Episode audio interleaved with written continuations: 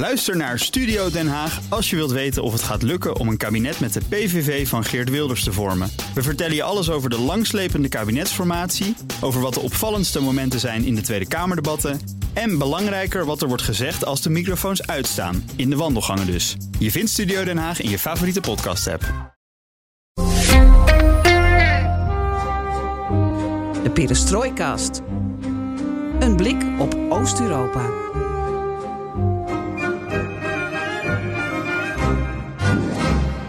Welkom bij BNR Perestrooikast, aflevering 209 van de enige podcast van Nederland die volledig oog voor het oosten heeft en geeft. Wat verwacht Vladimir Vladimirovich Poetin van het jaar 2024? Dat vragen we in deze Perestrooikast aan een speciale gast, Ruslanddeskundige en Poetin-kenner Mark Galliotti. So I think from his point of view, 2024 is looking quite good. The point is, though, can this be sustained? And I think that's where the real problem is. In eerdere afleveringen vroegen we ons al af hoe het staat met de Russische oorlog in Oekraïne. We spraken bijvoorbeeld met Bob Deen en George Dimitriou over de verwachtingen van Oekraïne en van westerse partners vanuit politiek en militair oogpunt. En nu zagen we onze kans schoon om met Galliotti door de bril van Poetin te kijken. Ja, Geert-Jan sprak met Galliotti samen met onze zeer gewaardeerde BNR-collega en groot Galliotti-fan Martijn de Rijk hier in Amsterdam toen Galliotti daar op bezoek was. One, two, three, four, five. How's that sounding? We gaan zo naar het gesprek luisteren. Want je weet het, alles in de perestrooikast kan eh, ten oosten van de rivier de Elbe de komende weken, maanden, jaren besproken worden. En wat leuk is, is dat wij heel sociaal en democratisch zijn. En abonneer op ons, zodat je geen aflevering hoeft te missen. BNR Perestrooikast. Zoek ons op in je favoriete podcast-app. Je wordt steeds euforischer, Floris. Het ja, ongelooflijk. Zo ben ik. Ik ben Geert-Jan Haan. Ik ben Floris Akkerman. Dit is BNR Perestrooikast.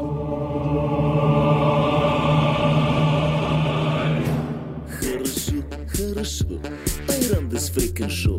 You think I can't speak English? There's nothing I don't know. I know that World War III nobody wants to see. So please EU and USA, don't mother suckers mess with me. Oh yes I can, cause I'm the president with the greatest plan to make my mother Russia number one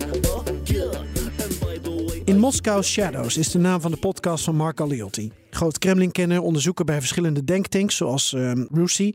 Maar ook auteur van meer dan 20 boeken. Al bijna 40 jaar doet hij onderzoek naar Rusland, zowel in Rusland zelf als daarbuiten. Of zoals hij zelf zei tijdens zijn bezoek in Amsterdam. Ik ga niet zeggen hoe oud ik ben, maar ik deel onderzoek naar Rusland toen ik nog in de Sovjet-Unie verbleef. Oude, oude, oude, oude, oude man dus. Ouder dan wij. Ja, oké. Eh, Geert-Jan heeft ook wat boeken van Galliotti meegenomen. De mensen kennen waarschijnlijk wel, we moeten het even over Poetin hebben. Of eh, Poetins oorlogen van Tsjetsjenië tot eh, Oekraïne. In ieder geval geldt dat voor collega Martijn de Rijk. Echt een Galliotti-fan. eh, luistert eh, naar de podcast. eh, bezoekt ook evenementen van hem. Dus ehm, ja, Floris, toen jij eventjes de uitnodiging moest laten passeren. Toen was er maar één iemand aan wie ik kon denken. Dat was natuurlijk Martijn. Ja, en wat heet, ehm, ik had hem niet kunnen overtreffen. Nou, het was een leuk interview. Mhm. Ehm, tijdens zijn bezoek aan Amsterdam. En we hebben dat gesprek teruggebracht tot een kleine 20 minuten. Galliotti spreekt allereerst, eh, ja, ik vind dat geweldig eh, Brits-Engels, heel helder. Eh, maar we gingen natuurlijk voor de inhoud. En onze centrale vraag was, Mark Galliotti, hoe kijkt Poetin nou terug op 2023 en vooruit naar 2024? Vooral met het oog op de oorlog in Oekraïne. Maar natuurlijk heb je in dat gesprek dan ook aandacht voor de binnenlandse politiek, voor de verhoudingen, voor de recente enquêtes van Levada, van Russian Field. Ehm, meer over dat soort enquêtes hoor je trouwens in aflevering 124 en 125 met de Russische socioloog in ballingschap Alexander Biekbov. En dan bedoel je dat jullie met Galliotti praten over de relatie tussen Poetin en het Russische volk. Ja, ook omdat we natuurlijk veel verschillende geluiden horen over de mobilisatie van, van Russische mannen, om er maar iets uit te pikken. Dus dan, dan, dan ga je dat gesprek in met een aantal ideeën door de ogen van Poetin. Dat was een centrale lijn. Ehm, maar ik moet zeggen, eh, eh, Martijn heeft het, het grootste deel van dit gesprek opgezet. Want hij heeft het in, in de podcast die hij beluisterde van Galliotti. ehm, daarin gaat het over conventional wisdoms. Over mythes en misverstanden rondom Poetin. Denk aan of Poetin weet wat hij wil.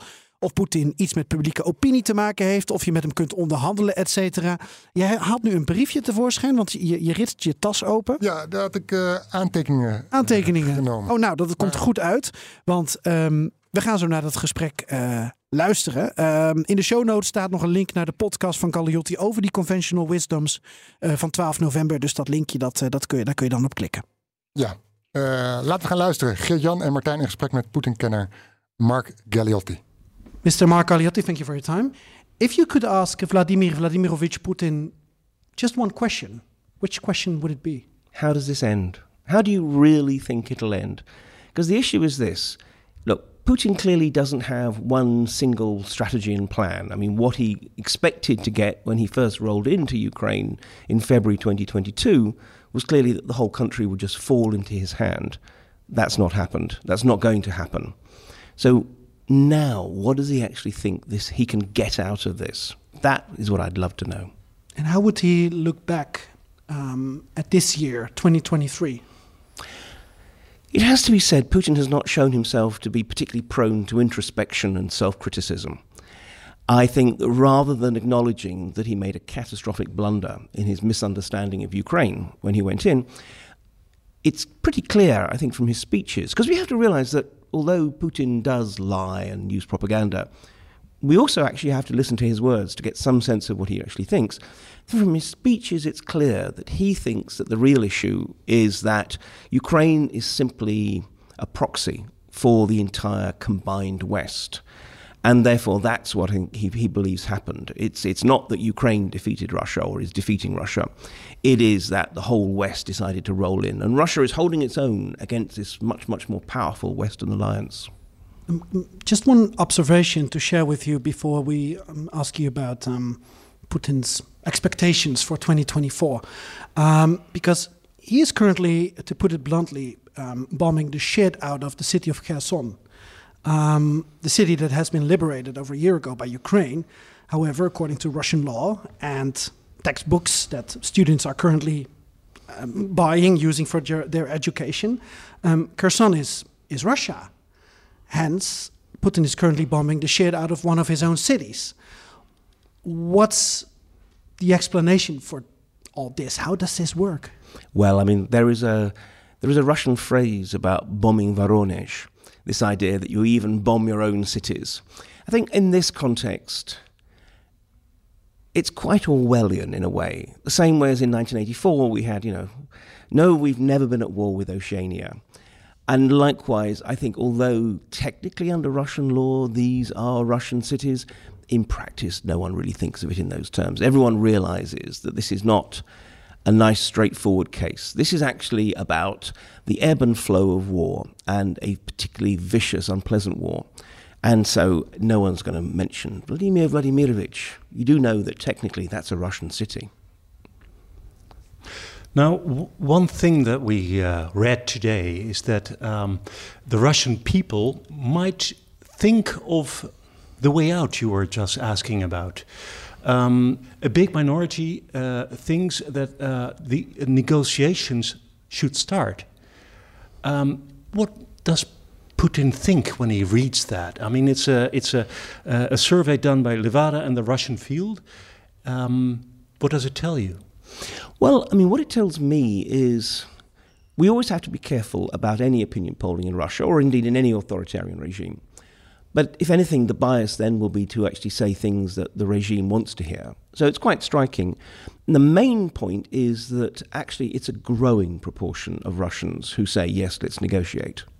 Now, that said, there are negotiations and there are negotiations. Defense Minister Shoigu, when he was recently in China, said, well, of course we're ready to open negotiations. But of course, what he means is we are ready to allow the Ukrainians to surrender anytime they want. So, you know, there's, there's, there's differences. But I think from Putin's point of view, what this would demonstrate, and that's assuming that anyone has the courage to actually show him this polling data, which we really don't know. But if he does, I think the real lesson is that his attempt to sell this war to the Russian people as this grand existential struggle, an essentially defensive war against a vicious conspiratorial West that is trying to undermine, isolate, and even dismember Russia, well, that narrative's not really working. Russians do not feel that they are at risk from what's going on in Ukraine. And frankly, they are beginning, beginning, I would stress, to actually get tired of this. Could it be that he himself really let out these numbers? I mean, the polling station might not do it if he really doesn't want these numbers to be to go public. So the fact that he does let these numbers out, does it, could it be that he might try and see whether the uh, uh, well what the Russians will react like when peace talks uh, start one we day? do know that the Kremlin, or particularly the presidential administration, does do a lot of polling to try and find out what Russians think. The thing is, though, that very, very rarely goes public. And I think from Putin's point of view, I don't think he's behind this particular set of, of, of numbers for the simple reason that unless he honestly thinks that he's soon going to be able to have negotiations, which I see no sign of, of happening, otherwise it actually precisely ends up us with us discussing are the Russians getting tired of this war? So, no, I, I think this is actually more than anything else evidence that although this is a brutal and increasingly authoritarian regime, it cannot control what Russians think and it cannot control all the information that reaches us in the West. It is in our advantage, one would say. I mean, in advantage of the West, in advantage of, of Ukraine, that the Russian people are starting to, to well, to ask, them, ask themselves questions. I mean, it is a small positive sign in what is, after all, a very depressing situation. Uh, well, in, in your late, uh, latest uh, podcast, you uh, spoke about the fact that people think in the West that Putin really needs this war to stay in power. Uh, and you try to add some nuance to that. Can you see that in this situation as well? Well, look, what is clear is that Putin has made this grand struggle with the West a central theme of his attempt to legitimize his regime. See, it used to be that his regime was lit- legitimized by material progress. In other words, you stay out of politics, Russian people, and I will make sure that you will have more shiny things. You will have your iPhones and your Turkish holidays and such like. And to be perfectly honest, most Russians were perfectly willing to accept that deal. Well, that's not happening anymore, and that's not going to happen. No more iPhones. No more iPhones and so forth. But I mean, it's also clear that most Russians actually think times are going to get harder rather than better. So instead, he's pivoting to legitimating his regime by precisely this sense that Russia is a beleaguered fortress and that the West will claw it down unless all Russians band together. And it's a, a very crude and simple way of essentially saying to people if you're not a wholehearted patriot, then you're a traitor. And you know what we do with traitors. The trouble is, as I say, that it's not really working. Russian people haven't actually accepted that. And these surveys and so forth demonstrate the, the degree to which ordinary Russians, they're not coming out on the streets. How can they? As I say, it's a brutal police state. But on the other hand, around their kitchen tables, there's clearly a lot of discussions about why things aren't going that well. Should we help uh, uh, uh, Putin or should we uh, give him an, an, an, exit? Or, well, are these the wrong circumstances or is it the wrong moment for. for uh, I don't like, like talk of an exit strategy because that implies essentially what concessions should we give. And let's be honest, these aren't the concessions that are ours to give. This is currently a war in Ukraine, and it will ultimately be the Ukrainians who will, to a large extent, decide quite what terms they'll have to end. I mean, it's interesting that there is now talk of pressure on the West, by the West, on Ukraine to talk. I don't honestly think that this is actually pressure to try and get Ukraine to start peace talks, because this is not the moment. Many people think that it is. Well, the point is, as things stand at the moment, Putin has no, as he sees it, incentive to talk unless he's offered a very generous deal. They've pretty much made it clear what they'd be willing to accept. Crimea, those southeastern regions of Ukraine that they've already sort of claimed as theirs, and a Ukraine that is neutral, in other words, not a member of NATO, possibly a member of the European Union. Now, those are not terms that the Ukrainians are willing to accept. Indeed, if Zelensky tried to actually suggest it at the moment, I think he would be swept from power. So I think it is more at the moment that the West is trying to get the Ukrainians to be thinking realistically. Because at the moment, some of the Ukrainian peace demands are clearly unrealistic. The idea, for example, that there will be war crimes tribunals for Putin and those around him, that's not going to happen. And there's a difference between offering Putin an exit strategy and essentially offering Putin a loaded revolver and expecting him to shoot himself in the head. When there are negotiations, and it won't happen now, it won't happen really until there's some clear movement on the battlefield one way or the other. Well, when that happens, then we'll have to see sort of how the, the, the talks shape out. But at the moment, it's definitely premature to be trying to offer Putin anything. But if we look at the current situation at the battlefield, um, there are some, some defense experts in Ukraine claiming that um, before Ukraine gets all the ammunition and the weapons, that they can really force anything. Um, that they call it parity. Parity will only um, take place at the end of 2024. So we're already one year further than we are discussing right now. Um, so we're talking about what kind of year will 2024 be for Putin. But if we're honest, we have to talk about 2025 maybe. I think so. I mean, look, there are people who are much, much more steeped in the details of the military preparations that Ukraine is carrying out, who are saying that, in fact, Ukraine's best strategy is to treat 2024 as a building year, as the year precisely to prepare. That uh, what happened in 2023 was precisely that, in part because of just simply a desire to try and win, in part because of Western pressure, and in part because of sort of naivete and a thought that just simply Ukrainian fighting spirit would carry the day. In many ways, Ukraine overreached. And the Russians demonstrated look, you know, you, you never ever should underestimate the tenacity of Russians fighting in the defense. Well, now, again, we'll have to wait and see quite what the political realities and so forth are for Ukraine. But I think we, we in the West have to recognize that however hard it is to think in these terms, given that we are, after all, spending billions of euros, pounds, and dollars every month in supporting Ukraine, both militarily and its economy, well, yes, we are in this for the long haul. That we have to be thinking in terms of not just 2024, but 2025. So the question could also be do we have an exit strategy as the West? The brutal truth of the matter is that although our politicians all say, oh, we're in this as long as it takes, yes, we have an exit strategy, we could just stop. And Ukraine would not necessarily completely lose in the sense of I don't think all of Ukraine would fall to Russia, but certainly Russia would be able to exactly maintain control over Crimea, extend its control in southeastern Ukraine, and essentially impose a, an ugly peace on, on Kiev. And the truth of the matter is, this is not a grand global struggle for democracy versus autocracy. The world would not collapse and the global order would not fail if that happened. So, if we were willing to be really cynical, we could back out whenever we wanted. That is our ultimate exit strategy.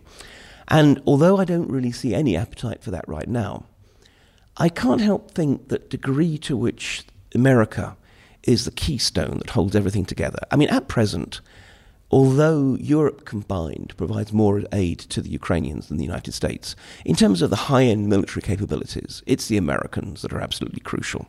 And so long as the Americans are committed, and so long as there's sanctions regime in place, so that even if we wanted to trade with Russia again, we would find ourselves under sanctions, no one's likely to break ranks, however much there is a lot of fatigue in Europe. If things change in America, if, for example, we see a Donald Trump or some other isolationist president, then not only will that likely see America downscale its support, but he'll have provided the alibi for those European countries and leaderships which would like to sort of back away from, from Ukraine. But again, you know, realistically, we're talking about what's going to happen at the end of 2024. 2024 itself, to go back to this question about what Putin, how Putin looks at it, actually, 2024 looks quite good for the Russians, unfortunately. In the coming year, they'll continue to outproduce the West in terms of ammunition. Their economy is, look, is not in too bad a shape, quite frankly. They're still getting enough volunteers from people from economically impoverished regions of the country who look at the salaries that are being paid and indeed the pretty massive bonuses that are paid to families whose you know, menfolk fall in the war. So I think from his point of view, 2024 is looking quite good. The point is, though, can this be sustained? And I think that's where the real problem is. Quite interesting looking at the Russian budget. very rarely that one says that looking at a Russian budget is interesting. But you know, it has this huge amount of money being devoted to the military in this coming year. But if you dig a bit deeper and you look at the planning assumptions, it's very clear that the finance ministry is working on the assumption that in 2024 it will be able to dramatically cut back the defense budget again. So, in some ways, they're gambling that they can make, make enough process, progress, whether it's on the battlefield or politically in the West, in the coming year, that things will have swung decisively their, their way If that doesn't happen, they're going to find themselves in a tough position. So the clock is ticking for both sides, so to say. Yeah, absolutely. Look, in many ways, Ukraine is going to be in a stronger position in terms of the military technology and such like. But we also have to recognize the, the shocking casualty rate. Russia is losing more men in total, but as a proportion of population, Ukraine is suffering much more greatly. The question is how long can the Ukrainians pay the price in blood for this war? And no one knows. I mean, at the moment, the opinion polls clearly say Ukrainians saying, no, we fight until we have victory. But the trouble is, that's a very, again, opinion polls actually, they often conceal more than they reveal. From Ukrainians' point of view, saying that is a patriotic act. They know what they're meant to say. And the alternative is just simply to surrender. There's been some interesting, not yet published focus group work, which actually sits down with Ukrainians and tries to make it much more granular. You know, how many human lives should Ukraine be willing to lose for this particular victory or that victory? And then clearly it becomes a case that actually Ukrainians will are, are thinking more more carefully. So yeah, there's there's ticking clocks on both sides, and when it comes down to it, ultimately all wars are battles of will, not just of the elite but of society, and we honestly don't know how far Russian and Ukrainian will will continue. I think to to round up to summarize, when we will when we would have this talk one year later, um, looking back at 2024. Um, when would it have been um, a satisfying year for, for Putin, you think? How would you summarize that? Look, in many ways, Putin wins by not losing. He believes, um, we can challenge whether it's true or not, mm-hmm. he believes that ultimately all he has to do is outlast the West and that we will get distracted by another crisis, whether it's what happens in Gaza, whether it's something happening in Taiwan, whether it's a new migrant crisis in North Africa, whatever it is. So essentially, if he, at the end of 2024, more or less has the same battle lines as now, but let's say Donald Trump has been elected in America, then he'll feel very satisfied. So, as I say, I think from his point of view, he's not expecting to win on the battlefield in 2024 but he may be expecting to win in the political battlefield. Is that all strategy? Because you're talking in your podcast about conventional wisdoms and myths. Um, is this all strategy, or is it also pure luck, or is it? Um, is he a great chess player, like we're saying all the time? No, he's a great improviser, and often he, he gets it wrong. But no, I mean, he's in a position where he has basically made this gamble. To be honest, it's clear that the Russians didn't think that the West would be as united as it has been so far. They were taken aback by the scale of sanctions. They were taken aback by the unity of support. They were taken aback by the degree to which actually Ukraine is being provided with military assistance, edu- you know, in- intelligence material, and so forth. So already, in some ways, his gamble has failed. But he has nothing, nowhere else to go. He has to believe in this, because otherwise, what else has he got but surrender? Is, a, is, is peace with Putin possible? It is possible. I mean, we can have peace with all kinds of unpleasant dictators and so forth. It has to be a clear eyed peace. I mean, it, it is not going to be that we'll ever return to the status quo before the invasion. We're not going to import gas anymore. I think it's highly unlikely. But on the other hand, it is possible to have a peace, a Cold War style peace, a hostile, suspicious peace in which you know we have one hand on our gun while we extend the other hand in a sort of very conditional kind of, of, of friendship. But I think, and so long as Putin is in the Kremlin, there can be no true, meaningful return to a kind of more positive relationship between Russia and the West. Mark Galeotti, thank you for your time and My enjoy pleasure. your stay in Amsterdam. I do.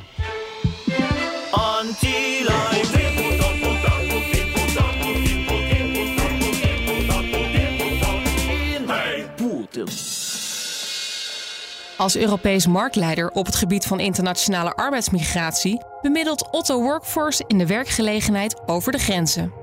Zowel binnen Centraal- en Oost-Europa als naar landen in West-Europa. Daarin ligt de focus op de motieven en ambities van de medewerkers. De visie van Otto Workforce is dat circulaire arbeidsmigratie de toekomst heeft. Dus niet alleen het bieden van werkgelegenheid voor cruciale beroepen, maar tegelijk het faciliteren van de terugkeer naar het land van herkomst na verloop van tijd. En dit alles goed gereguleerd. Meer weten? Kijk op www.ottoworkforce.com. Tot zover het interview met Mark Galliotti. Dank aan collega Martijn de Rijk. Nog even napraten met Floris, die dan toch gekomen is voor de Perestroikast. En met Joost Bosman, onze moppetapper uit Moskou, die natuurlijk ook inhoudelijk een bak kennis heeft van je welste. En uh, Joost, je hebt Galliotti ook uh, onlangs uh, zelf geïnterviewd. Floris, wat vind je nou eigenlijk van wat Galliotti zegt over dat het voor Poetin een cruciaal jaar is en voor Oekraïne en de westerse partners misschien een overbruggingsjaar? Nou, als je bijvoorbeeld denkt aan de westerse steun, bijvoorbeeld de Amerikaanse verkiezingen, dan zal hij wel met argusogen volgen van hoe voordelig kom ik daaruit. En Oekraïne is militair afhankelijk van, van vooral de VS. Dus het zal een behoorlijke aderlating zijn als Biden zijn positie moet afstaan, aderlating voor Oekraïne als Biden zijn positie moet afstaan aan Trump. En dat zal voor Poetin natuurlijk wel een groot verschil maken. Ja, dat, daar ben ik het wel mee eens. Afgezien van, van mogelijke winst van Trump volgend jaar, eind volgend jaar, nou, dat is nog een jaar natuurlijk. Ik denk dat Poetin daar erg naar uitkijkt. Niet alleen Poetin natuurlijk, het hele Kremlin, hele entourage eromheen. Um, dat denk ik zeker. En ook als je kijkt naar de, de, winst van, van allerlei uh, populisten in Europa, vergis je niet. Hè. Er komen ook nog weer andere verkiezingen aankomend jaar in andere Europese landen. Uh, nou ja, we zien nu in, in Nederland is, hebben de populisten hebben de verkiezingen gewonnen. Uh, in Hongarije zat er alleen natuurlijk. In Italië is een populist aan de macht gekomen. Zweden, Finland zijn ook allemaal populisten in de regering gekomen. Die toch allemaal ja, grotendeels of voor een deel tegen de Europese Unie zijn. en dat zijn ook allerlei dingen die Poetin toch uh, ja, als muziek in de oren moeten klinken. Dus ik denk dat dat komend jaar nog verder gaat, of zou kunnen gaan in ieder geval. En dat het er voor Rusland wat dat betreft alleen maar beter op wordt. Ja, nou, ik vroeg me af, uh, dan hebben we, had hij het over een extra strategie voor het Westen. van de, uit de Oekraïne-oorlog. En dan vroeg me af, wat is eigenlijk de extra strategie van Rusland? Ehm, dat is dan onderhandelingen waar Poetin dan zegt: Ik wil wel praten met, met Oekraïne over, over vrede. Maar goed, dat, dat, dat zijn eisen waar Oekraïne nooit mee akkoord kan gaan. Hè. Dat zou dan betekenen dat die bezette gebieden die Rusland nu in handen heeft, uh, dan naar Oekraïne of naar, naar Rusland moeten gaan. En Oekraïne die moeten afstaan. Maar ja, oorlogen kunnen ook nog jaren gaan duren. Uh, dat heeft Rusland en Sovjet-Unie ook ervaren, ervaring mee gehad in Afghanistan. En toen hebben ze ook de aftocht moeten blazen. Dus ja, wat is eigenlijk de extra strategie van het Kremlin? Vraag me wel eens af. Ja, helaas hebben we Marco Liotti niet meer hier. Nee, nee, nee, dus de, leuk Maar dat je nu alsnog ja, vragen hebt. Weet, je, nou ja, dat, dat, dat, die, die vraag riep bij me op. Ik bedoel, we, we weten van, nou, Rusland is bezig om die oorlogseconomie eh, draaiend te houden. Oorlogsindustrie eh, produceert raketten, munitie, noem het allemaal maar op. Is daar helemaal bezig eh, om, dat, om daar een land op in te stellen. Maar ja, hoe kom je eruit als blijkt dat groot succes uitblijft? Bedoel, Maar de analyse van Galliotti is dat, en ik weet niet of, of Joost die onderschrijft, maar dat, dat, dat Poetin op dit moment ook financieel gezien qua staatsbegroting eigenlijk all in gaat en hoopt in 2024 eh, ja, eh, zoveel mogelijk gedaan te krijgen. Omdat er echt wel ehm, eh, budgettaire risico's zijn aan deze oorlog. En dat het nu nog wel een beetje draait met eh, olie en gas, maar dat de vooruitzichten natuurlijk niet al te best zijn. ja, dus moet hij misschien wel denken van, ik moet iets verzinnen om hieruit te komen. Of toch als, als winnaar uit te treden. Nee, ik denk Lijkt dat hij. Ik denk, Maar ja, eh, zegt toch: als- dit jaar moet de nekslag worden. Dit, dat is wat, wat Poetin dus wil. Als ik, als ik zijn woorden goed beluister, Joost. Nou ja, natuurlijk wil hij dat. Maar eh, ik, ik meen dat jullie het ook hadden over dat Levada-onderzoek. Waaruit blijkt dat 55% van de Russen inmiddels voor vredesbesprekingen zijn. Nou, dat is nog niet eerder voorgekomen tijdens eh, de afgelopen anderhalf jaar. Dat die oorlog woedt. En dat dus eigenlijk meer mensen voor vredesbesprekingen zijn dan voor het voortzetten van de oorlog. Er kwam vorige week een ander rapport uit van Russian Field. En dat is een beetje een eh, opiniepeilingsbureau dat eh, de naam heeft pro-Kremlin te zijn. Maar er kwamen toch ook zelf soortgelijke cijfers uit. Ook meer mensen voor vredesbesprekingen dan eh, daarvoor. Of dan, dan dat er mensen zijn die voor voortgang zijn van de oorlog. 48 procent. Nou ja, dat zou natuurlijk voor het Kremlin toch een soort van, van exit-strategie kunnen gaan bepalen. Hè? Eh, als ze weten, oké, meeste van de burgers eh, zijn er moe van. Ik heb overigens Galliotti zelf toen ook gebeld, anderhalve week geleden. En, en daar zeide hij ook van, eh, ja, mensen zijn moe van de oorlog en het werkt gewoon niet. Dat idee van we worden aangevallen door het Westen. We hebben een grote ideologie waar, waar we voor moeten staan en bla bla bla. Mensen pikken dat niet meer, geloven het niet meer. Ik, ik sprak een Andere politicoloog, ehm, eh, Abbas Galyamov, eh, ook een bekende Russische politicoloog die zelfs voor het Kremlin gewerkt heeft eh, lang geleden. Maar goed, die is helemaal omgedraaid. En die zei ook, mensen zijn het gewoon beu.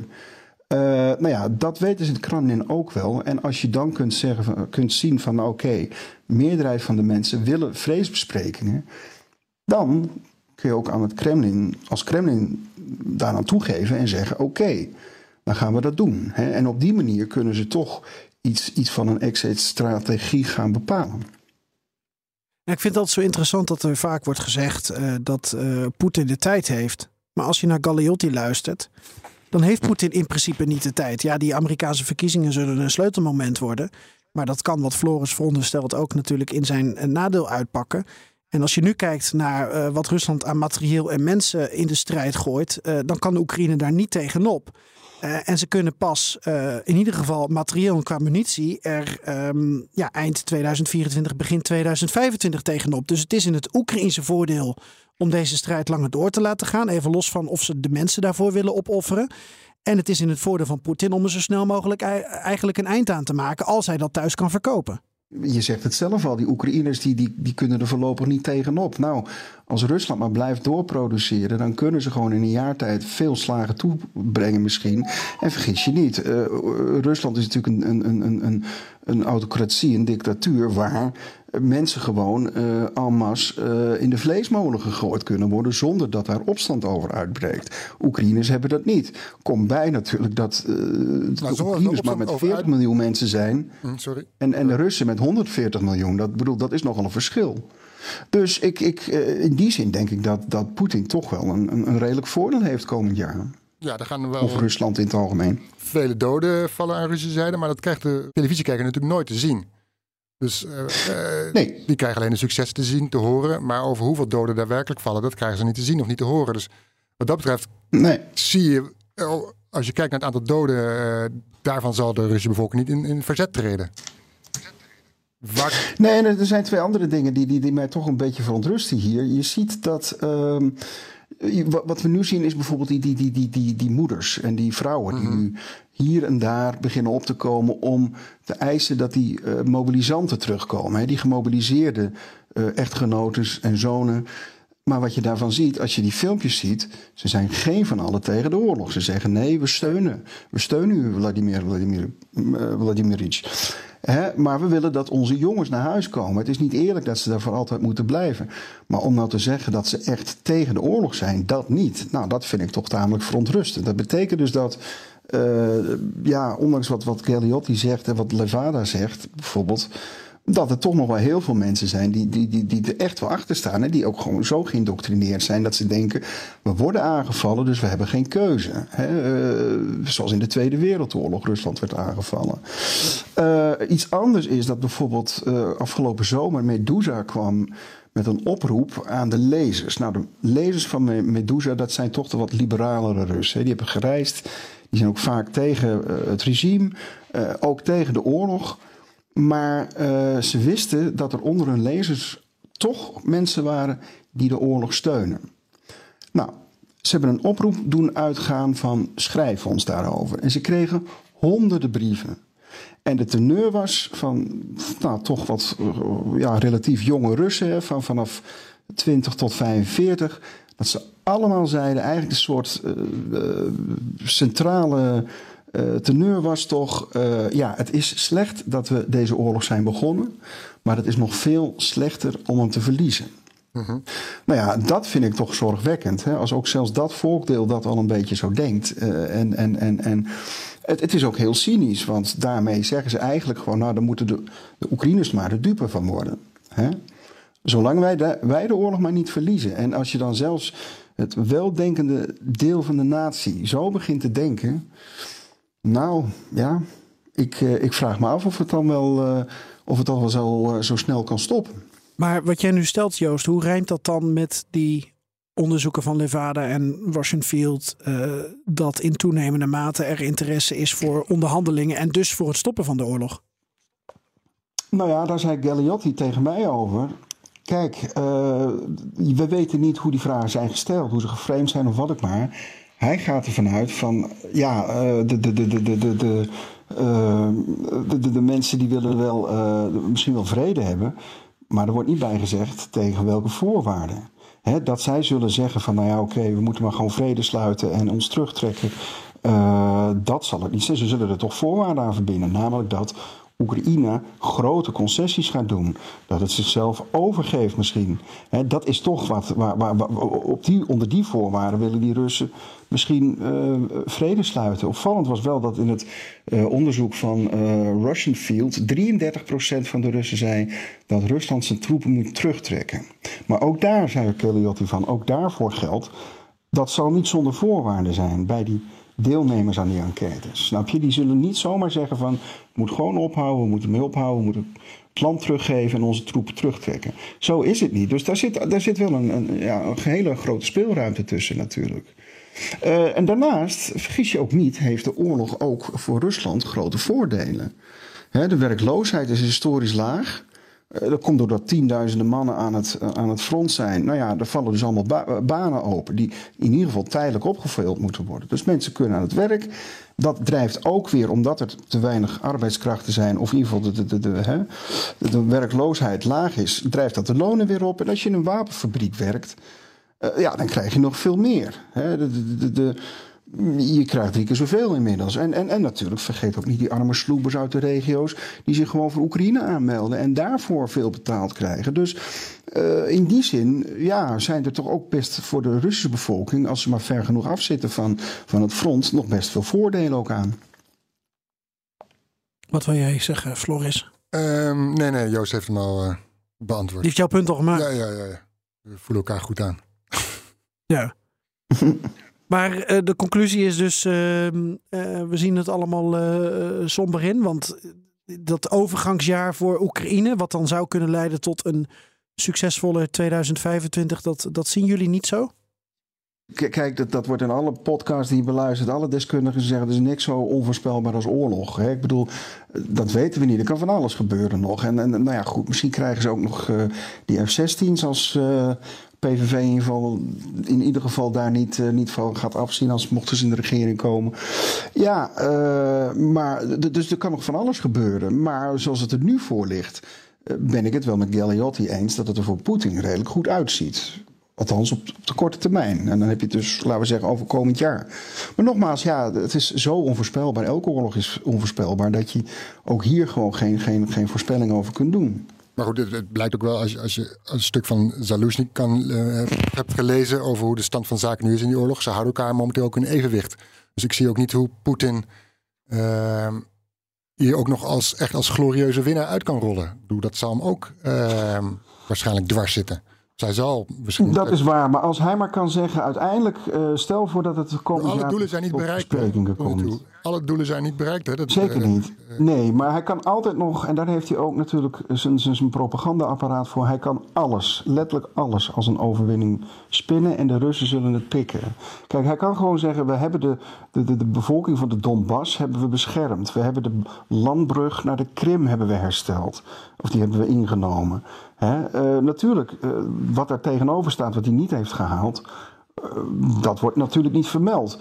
Maar het is gewoon een, een, een, kwestie van framen door het Kremlin, die daar zo bedreven in zijn, die, die, die dat propagandaapparaat, dat hij letterlijk van alles, alles een, een overwinning zou kunnen maken, denk ik. in die zin, ja. En, en hij kan ook uiteindelijk zeggen: kijk, we hebben dit allemaal en we hebben ook nog vrede gesloten. En we hebben de NAVO weer staan. Ook niet onbelangrijk natuurlijk. Nou, dat hangt natuurlijk ook vanaf hoe. Stel, stel, er komt wat voor terug, die uh, onderhandelingen. Wat Oekraïne krijgt. EU-lidmaatschap, een NAVO-lidmaatschap. Stel, uh, Oekraïne, hè, dat is het plan Rasmussen.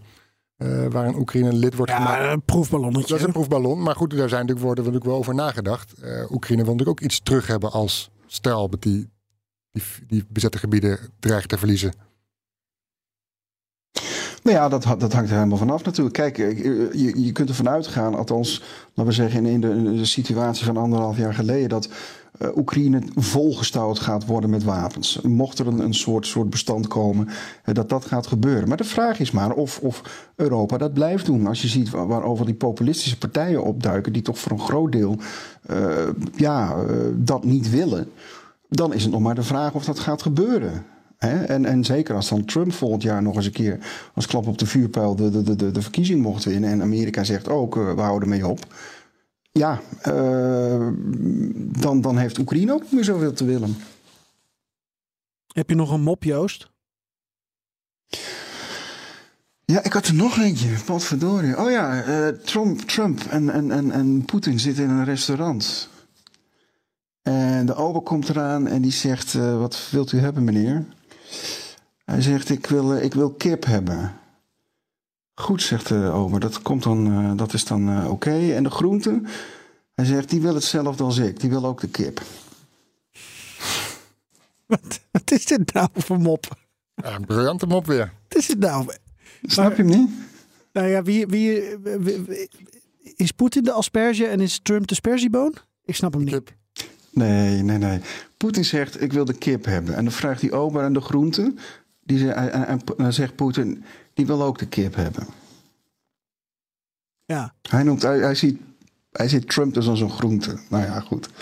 Ah, oké. Okay. Ik had al wat meer een persik in gedachten. Een fruit. Uh, heb ik toch een mop zitten uitleggen. Verschrikkelijk. Ja, dat moet je nooit doen, hè? Toch bedankt. Uh, Eigenlijk niet, hè? En goed om, ja. uh, goed om te horen dat jij dan ook uh, Mark Galliotti hebt gesproken. Heb je, is dat interview nog ergens te lezen? Nou, het was een deel. Ik, ik heb gewoon wat citaten van hem gebruikt. Het was niet alleen met hem, ook met, wat ik zei, Galyamov heb ik nog gesproken. Uh, Kalesnikov hier in Moskou. Uh, vorige week maandag stond het in het FD, geloof ik. Hm. We zullen uh, een link daarvan maken. Zeker. Nou, ja, wat je wil. Wat je wil. Ja, ja. Dank jullie wel. Goed. Dat jullie even nog kort het interview wilden wilde aanvullen. En dank voor de aanvullende vragen, Floris. Ik tover nu Galliotti weer hier in deze studio om om alles te beantwoorden. De hologram. Ja, precies. Oh, dan kunnen we ook met Joost praten dat is ook leuk. Hologram van Joost. Heerlijk. Oké. Okay, um, Aito. Paka. Gonna hunt you forever. Ja, oké. Okay. Пока-пока. В саду